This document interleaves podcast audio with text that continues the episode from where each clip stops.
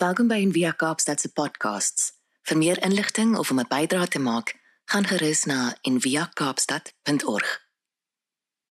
Ons is besig met die reeks eintlik oor die skare van heiliges en hierdie week is 'n baie spesiale week binne die kerkjaar. En hierdie Sondag is alle heiliges Sondag of ook baie mense praat van alle siele dag of All Saints, All Souls hierdie term is baie keer ehm um, amper so uitreilbaar. En die idee eintlik vir hierdie hele week of hierdie tyd van die jaar is dat ons diep diep bewus raak dat ons meer is as net ons liggame. Dat ons ook siele het en siele is en ook ons liggame is, maar ook ons siele het en siele is wat vir ewig is. Dat daar iets is wat aangaan na die dood wat nie ons is nie. So ek dink dit is baie interessant dat al hierdie dae in hierdie tyd het te doen met hierdie idee dat daar meer is en groter is as wat ons as wat ons kan sien of ons kan ervaar. Daar soos Halloween, All Saints Day, All Souls Day, uh Day of the Dead, al die dae val eintlik so by mekaar in hierdie tyd. En uh die oorsprong daarvan en ek kyk is in ons weet in ons siege en val uit ons dis nog die noordelike halfrond sê maar waar baie van ons vandaan kom nog steeds gebly het dan word dit winter en goed raak word gaan dood en draak stil en dan is dit hierdie natuurlike ding om te dink aan die lewe na die dood of die goed wat jy nie kan sien nie wat onder die grond gebeur al daai goeters so en ek dink dit versprei voort natuurlik uit in ons in ons geloof en hoe ons ons geloof interpreteer en die tipe goed wat ons oor nadink. So hierdie sonderdag dink ons na oor spesifiek al die mense wat ons ken, vriende en familie wat oorlede is in die laaste jaar of dalk 'n klein bietjie meer, laaste jaar of 2 en ek weet daar's baie tussen ons almal wat mense verloor het aan die pandemie en ook ander. En ehm um, dit is iets wat ons aan dink maar in 'n mooi manier om te dink aan hoe mense hoe hulle ook agter Jesus aangeloop het, hoe hulle geleef het ten volle en en God se wil gesoek het en lief was vir die Here. Jesus ons gedink het in die laaste tyd aan die groot heiliges of groot geeste en skrywers, weet. Ons het gedink aan Henry Nouwen, uh, Dietrich Bonhoeffer, uh, Simone Weil, uh, Martin Luther en so dink ons draak bewus van hierdie skare heiliges. Soos daai ou liedjie ook gaan en die teks ook lees, die skare heiliges wat wag om die baan dat ons almal die wenstreep sal haal. Daai. So dis waar ons dink.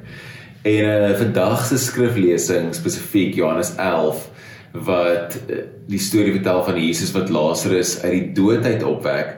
Ehm um, nooi ons om te dink weer aan dit, te dink aan die dood, dink aan wat dit is om uitgeroep te word uit 'n graf uit te lewe, Jesus se stem te hoor. So ek wil jou net 'n bietjie 'n kort deel deel oor wat daai teks ons eintlik ook na uitnooi. En so hierdie teks nooi ons in 'n toneel in en hierdie toneel staan ons saam met Jesus, Maria, Martha en uh Jode en 'n klomp mense van die van die dorpie rondom 'n nuwe graf. Ons staan tussen tussen rou en verlies en blame en woede. So hierdie emosies loop hoog daar is alles alle verskeie emosies in hierdie kort stukkie teks wat eintlik wat dit so vir my so mooi maak en so interessant maak. So daar's aanklagte, selfs Maria, ehm um, Lazarus se sussie of een van sy susters wat Jesus aanspreek in vers 32, net die deel voor wat ons nou gelees het, wat sê as jy hier was, sou my broer nie gesterf het nie. Wat sy eintlik Jesus blameer en die ander mense wat rond daar rondom staan vra onder mekaar. Hulle sê maar hoekom het hy nie iets gedoen nie? Jy weet hy hy het dan nie die uh, die blinde ou kon hy laat sien. Hoekom het hy nie Lazarus gesond gemaak nie of weet hoe kom hy nie vinniger gekom nie help nie. En, en dan kry ons 'n hele reeks emosies tot by die medelee van die Jode wat eintlik ironies is in die teks want die Jode oor die algemeen in Johannes Evangelie is nie in 'n baie goeie lig gestel nie. En die Jode sê in hierdie deeltjie kyk kyk hoe lief het hy hom gehad, hoe lief het Jesus vir Lazarus gehad, sy beste vriend. Reg, so en dan in die in die middel van hierdie van hierdie belaaide toneel waar Jesus self ontsteld is, self huil, eh, Maria en Martha wat hartseer is en huil die mense wat ween, die al die goeders in hierdie belaaide toneel sê Jesus vir die ander suster van Lazarus, Martha, en hy sê vir haar vandag sal jy God se glorie sien. Die Afrikaans vertaal dit en sê vandag sal jy God se wonderbaarlike mag sien. So op Allerheiligesdag of Alle Siele Dag dink ons aan al die heiliges, mense wat agter Jesus aangeloop het, vriende en familie wat wat ons vooruit gegaan het en reeds gesterf het. En ehm um, dis moeilik vir ons ook. Dis 'n mens dink probeer daaraan dink in 'n in 'n mooi manier, maar dit is nog steeds moeilik. En dit laat mense baie keer met vrae soos hoekom dit hoekom hoekom hoekom is mense dood? Veral mense jonk dood is, hoekom is hulle dood? Hoekom is hulle oorlede? Hoekom is dit met ons gebeur en selfs net die dood voel nog steeds vir ons almal soos hierdie hierdie onnatuurlike ding. Hierdie ding wat nie moet gebeur nie. En hoe kan selfs heiliges, selfs mense wat lief was vir Jesus en lief was vir God, hoe kan hulle pad dan ook by die dood eindig of hoekom moet dit? Hoekom moet enige iemand se pad daar eindig? Uh of deur dit gaan ten minste. Wat my interessant is met hierdie teks is die gebruik van die woorde eintlik in uh, vers 33 vers 38 wat dit praat oor oor Jesus oor sy emosies. So en dit is baie so mooi dat Jesus was nie hierdie hierdie stoïek geweest, jy weet hierdie kan 'n middelklas zen persoon wat altyd net gelukkig is of net so kalm is en so half bietjie sweef op die grond. Jesus in in hierdie val in hierdie hoofstuk en in, in die hele evangelie is hy hy's emosioneel. Hy het die moed en raak kwaad en hy raak hartseer en hy raak ontsteld en hy sê net so weet afsydig en dat alles net oor hom vloei soos water of dit nie. Hy's hy's diep diep geïnvesteer in die mense rondom hom en dis wat eintlik dit so mooi maak. So in die NRSV vertaling vertaal vers 33 wat sê hy was ontsteld of hy was bewoe in Afrikaans. Sê hy hulle hulle vertaal dit baie mooi dit sê he was greatly disturbed in spirit and deeply moved. So hierdie twee woorde daai disturbed en moved in die Grieks is dit eintlik en dit is dit eintlik so bietjie bietjie harder die manier hoe mense dit vertaal oor die algemeen sal kommentators sê dis eintlik bietjie te sag vertaal ehm um, dit dit dit dit spreek iets aan van die hierdie werklikheid van die wonde wat die dood toedien aan die mense wat agterbly. So hierdie vertaling is net so klein bietjie sag. Die eerste werkwoord wat vertaal word as disturbed ehm um, of bewoe is het hou hou eintlik meer verband met woede, met is kwaad wees. En as jy iemand aan die dood afgestaan het, ook as jy weet jy daar's daai oomblik van kwaad, van anger met dit. En uh, dis nie dis is 'n sterk gevoel, maar die Griekse woord het ook te doen met soos passie en en pyn wat voortspruit uit vanuit hierdie woede oor die situasie. En daai selfe woord word later weer gebruik in vers 38. Die tweede werkwoord, die die moved, die beweeg, het beteken iets eintlik meer soos soos 'n roering, soos om iets te roer, soos om 'n pappot te roer of water te roer soos om 'n roering hier binne in jouself, daai fisiese in Afrikaans ons baie keer sê jy's my maag het gedraai. Het daai daai uitdrukking, dis dit daai wat jy amper fisies naar word of fisies ontsteld word, wat jy voel met jou jou binnegoed is besig om te beweeg. Daai vlak van emosie. En dit kan daai woord kan ook in so 'n fisiese sin gebruik word om letterlik te bedoel water wat roer of wanneer kalmte gebreek word. So en op 'n op 'n persoonlike vlak, 'n menslike vlak, gaan dit oor soos jou jou geestelike en 'n eh, soos 'n binne verstoring wat verwant is aan soos fisies siek en ontsteld word, naar word, jou maag verdraai, reg. So jy daai twee sterk woorde hierdie hierdie woede en passie en pyn en dan hierdie hierdie maag verdraai hierdie binneste wat ons beweeg. En dan tussen daai twee verse, vers 33 en 38, kry ons die kortste vers in die Bybel, vers 35, wat sê Jesus huil of Jesus het geween. En Jesus dis so so mooi daai deel want Jesus het dieselfde reaksie as die mense wat rou wat daar om die graf staan. Hy huil soos ware trane en hy's hy's ontstel soos diep diep van diep diep binne af. So Jesus was was kwaad en het diep in sy gees hierdie pyn gevoel en uitgeskree en hy's hy's deur Lazarus se dood in sy gedagtes en sy hart en sy liggaam en alles die mekaar gekrap en te mekaar gegooi en hy het hardop gehuil. En ons baie al geskryf oor maar hoekom huil Jesus? Hoekom ween hy as hy weet hy gaan Lazarus uit die dood uit opwek, as hy weet God se glorie gaan bekend word. Hoekom is hy so hartseer? Is dit bloot net om te wys dat hy hartseer is soos ons kan hartseer word? Is hy kwaad oor hierdie groep se vrae en hulle aanklagte en dalk hulle hulle voorgee hulle hipokrisie? Die kort van die lank is, ons weet nie. Die teks sê dit nie vir ons nie. Dit sê nie hoekom Jesus huil nie. Dit sê net bloot Jesus het gehuil.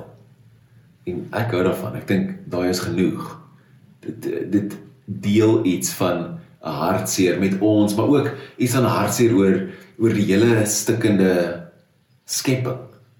'n Heilige hartseer. N.T. Wright, die teoloog, praat oor 'n divine sadness, hierdie heilige hartseer. En Jesus is is eerlik oor die swaar van dood en die stank daarvan. So ek so interessant met hierdie teks het ook reuk in dit. So Martha wat vir Jesus sê nee, jy kan nie ons kan nie oopmaak nie. Hy hy ruik al. Dit's 3 dae later hy ryk al. Jode het geglo dat die ehm uh, dat die gees, die siel hang nog so rondom die graf rond vir 3 dae. En dan na dit dan is jy eers dood, regtig dood. Aan die begin was jy dood, nou is jy dood dood. En ehm um, maar en maar wat so mooi is van Jesus is hy ignoreer nie hierdie swaar nie, die seer nie. En hy bestraf nie die hartseer nie so sommige van weet welvaartspredikers sal nie of ons samelewing glo ons hartseer is patologies. Jy moet dit uh, vinnig wegkry. Maar Jesus ontvou dit en omhels dit ten volle. En gelukkig natuurlik eindig hierdie verhaal nie daar nie met Jesus wat huil nie. Jesus wek Lazarus uit die dood op met die woorde Lazarus kom uit. Lazarus kom uit. Dit is so mooi dit is op sy naam aanspreek. Ehm um, so die hierdie en hierdie hierdie begrafnisse oor die algemeen is iets wat weet baie betekenisvol is. So en die Wright skryf, hy sê een van die grootste verrassings vir hom in sy bediening uh as predikant is dat hoe betekenisvol be, be, begrafnisse is. Ehm um, en ek kan self daarvan getuig dat hoe betekenisvol begrafnisse kan wees en is. En meeste van die tyd, nie altyd nie, maar meeste van die tyd is die gevoel wat jy kry by 'n begrafnis nie iets van God het my verlaat of waar is God nou nie. Daar's eerder dit dit dalk dit gebeur dalk voor die tyd, maar by die begrafnis self is daar hierdie hierdie diep verstaan, hierdie bo menslike verstaan dat God teenwoordig is in die dood, in die hartseer. En ek dink daai is dit is die grootste gawe wat Christen spiritualiteit het vir die wêreld is daai die God wat teenwoordig is in swaar kry en die dood. Nie dit oplos nie, nie die een is wat dit verwyder en al daai wat teenwoordig is in dit. Die dood is misterieus en hartseer en dit bevat ook 'n um, teken of 'n 'n bietjie van die hartseer van God self. God is hartseer oor sy wêreld sy skepping wat stikkend is, wat wat pyn en hierdie pyn veroorsaak. En daarom is God die mees teenwoordig in die dood by sulke pyn en by sulke seer. En wanneer Jesus huil by die graf van Lazarus, dan sien ons uh, vir 'n oomblik hierdie heilige hartseer, hierdie divine sadness. En wanneer ons in so 'n spasie is, of dit nou by iemand is wat oorlede is of of dit 'n moeilike tyd is in ons lewe, ons swaar kry, En soos baie van ons in was dit die laaste jaar waar ons by dienste moes wees of by by eh, begrafnisse of selfs oor Zoom wat ons nie daar kon wees nie is hierdie heilige hartseer eintlik saam met ons daar en dit hou mens vas. En dit maak dit nie makliker nie, maar ons weet op 'n manier dat hierdie heilende God is ook by ons almal. So en dis is so uniek eintlik hierdie hierdie idee van hierdie hartseer en hierdie hoop, hierdie hierdie ehm um, wat s'ie woord, hierdie omhelsing, hierdie ehm um, gerusstelling wat so saamgaan. Dylan Thomas die ehm um, digter en skrywer sy bekende bekende gedig praat oor do not go gently into that good night. Rage against the dying of the light. You know rage rage. Baie westerse idee ook hierdie idee van krag en mag en beklei teen alle koste teen teen dood en agteruitgang. En ehm um, Wright in die Wright skryf en hy praat daaroor. Hy sê alhoewel ons ons dit dit baie keer as uit 'n Christen perspektief of is daar iets vreemd aan daardie real rage rage against the dying of light want ons het ons almal weet in ons diepste dat die son moet sak. Dit moet sak, ons weet dit. Maar ons weet ook dat daar 'n nuwe oggend gaan wees, 'n sonsopkoms. En dit is iets wat in Christelike spiritualiteit vasgehou word, daai idee van die lewe wat na die dood gebeur en as gevolg van die dood gebeur dat die dood nodig is. En ons baie natuurlik baie is van dit in die skrif, maar een van die mooi dele wat Paulus skryf vir die kerk in Tessalonika wat hy vir hulle sê moenie treur, julle moet weet dat dat Christus julle vashou. Hy sê moenie treur dan dat julle treur soos mense wat nie hoop het nie. Nee, moenie treur soos die wat geen hoop het nie. Hy sê nie moenie treur nie. Moenie rou nie, moenie huil nie. Hy sê moenie treur soos die wat geen hoop het nie. Daar's iets anders aan die gang. Ons wat Jesus ken, rou in hoop. Dit is belangrik. Ons rou in hoop. So wanneer slegte dinge gebeur met ons, dan hou ons dit vas. Dan kan ons dit vashou. In die hartseer van die ou en die stikkende skepping en die hoop en die vreugde van die nuwe skepping. So die tussen daai twee, die stikkende en die hoop van die nuwe, hou ons dit vas, daai nuwe wat reeds begin het. En dis wat ons as volgelinge van Jesus kan doen. Ons word uitgenooi na dit toe, net soos die mense uitgenooi is na dit toe wat voor ons gegaan het mense wat ons geken het, mense wat ons oor lees en skryf wat dieselfde ding kon vashou, hierdie lewe te midde van hierdie dood. So ons kan dit dis ons geskenk glo ek vir die wêreld om swaar kry te kan vashou met hoop. Die die vermoë om swaar te kry in dieselfde tyd uit te sien na dit wat kom. En hierdie dis so hierdie pragtige paradoks. So hierdie teken, hierdie wonderwerk wat gebeur Johannes 11 Johannes praat van tekens in sy evangelie, nie wonderwerke nie. Dis nie bloot goed wat gebeur wanneer die natuurwette breek of buig nie, maar tekens. 'n Teken van dit wat op pad is, wat gaan gebeur en meer as dit 'n teken van van wie Jesus is en wat hy kom doen het. En wat Jesus kom doen het was om God se koninkryk te kom vestig. Dit was sy missie. Ek sê altyd, weet as Jesus se teem sou dra sou dit gesê het, die koninkryk is hier. Dis wat hy gesê het. Jesus het nie net gegaan oor hy was nice met weet ou tannies en wegloophonde en klein kinders nie. Hy hy het die koninkryk van God gebring en hy het gedoen deur die kruis. Die kruis, die swaar, die pyn en die koninkryk loop saam. Daai twee goeders loop saam. En in in God se mooi wêreld is daar magte en dinge losgelaat as gevolg van die afvalligheid en sonde, maar Jesus het met daai magte en resultate van die sonde en alles klaar gespeel op die kruis. En God se koninkryk het losgebars en dit begin op aarde met Jesus se opstanding. En Johannes 11 is soos hierdie blik van wat kom. So dis so interessant dat met Jesus se opstanding in Johannes dan kry ons dieselfde prentjie amper as by die graf by Lazarus so 10 amper 10 hoofstukke later. So ons kry wenende vrouens, ons kry 'n graf met 'n klip, ons kry grafdoeke. En ons kan ons kan begin stoei in Johannes 11 met hoekom met hoekom net Lazarus, hoekom nie al die ander nie. Hoekom nie my mense nie? Dan maar dan mis ons kan iets wat hierdie hierdie hoofstuk ons leer. Of as ons net wil wil bloot fokus op weet Lazarus as 'n teken van hoe ons almal eendag gaan opstaan uit die dood uit en nuwe liggame kry. Wat waar is en belangrik is dan mis ons ook iets van wat hierdie teks vir ons wil sê. Jesus roep Lazarus uit. Soos 'n goeie herder sy skape roep. My ma sê altyd Jesus het gesê Lazarus kom uit. Want as hy net gesê het kom uit dan het dalk 'n klomp mense uitgekom. Hy het gesê Lazarus kom uit.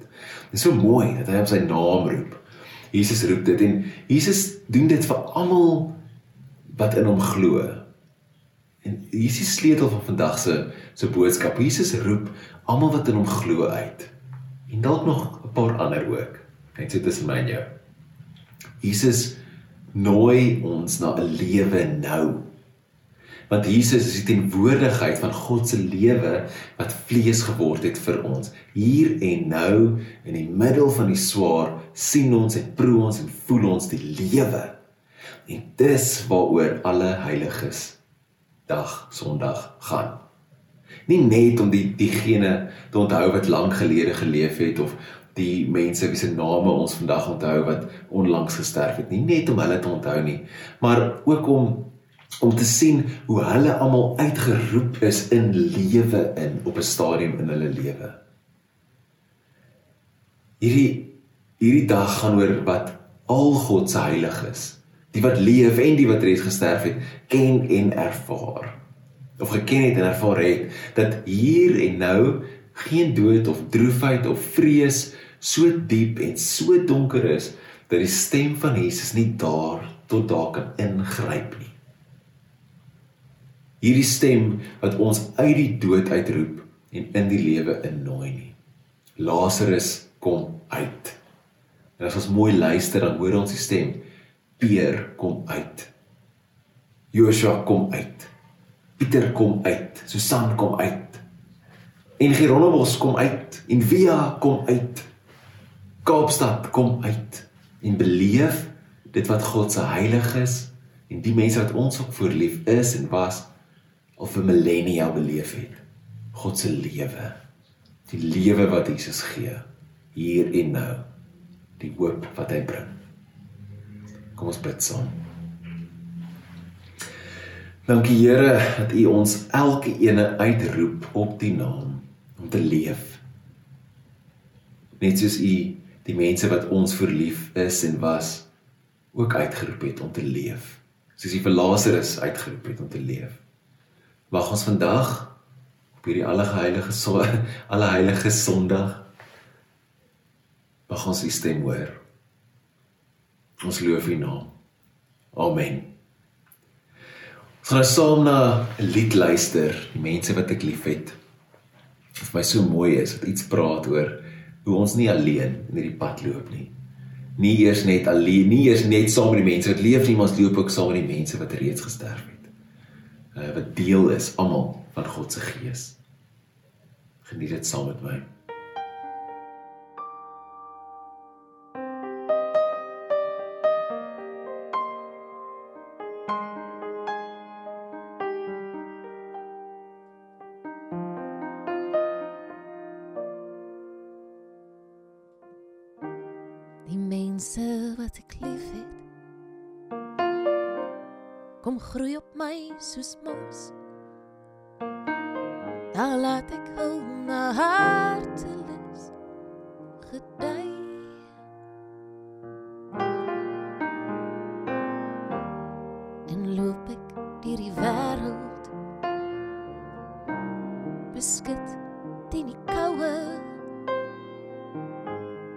Die snoesigheid self.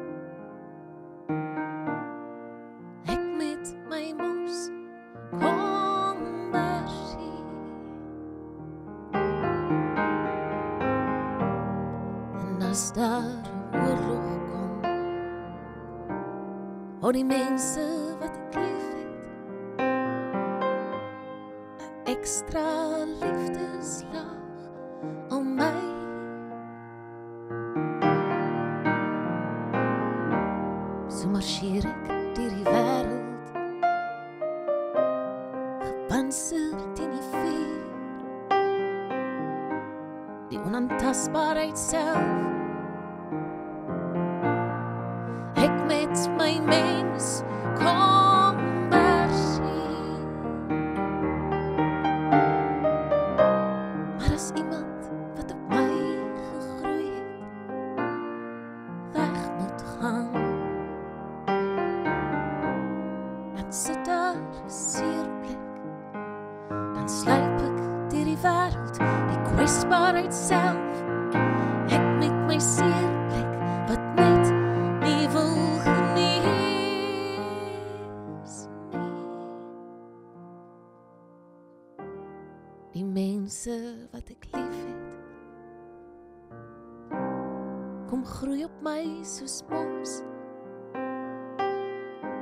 Al laat ek hom na hartelis gedei.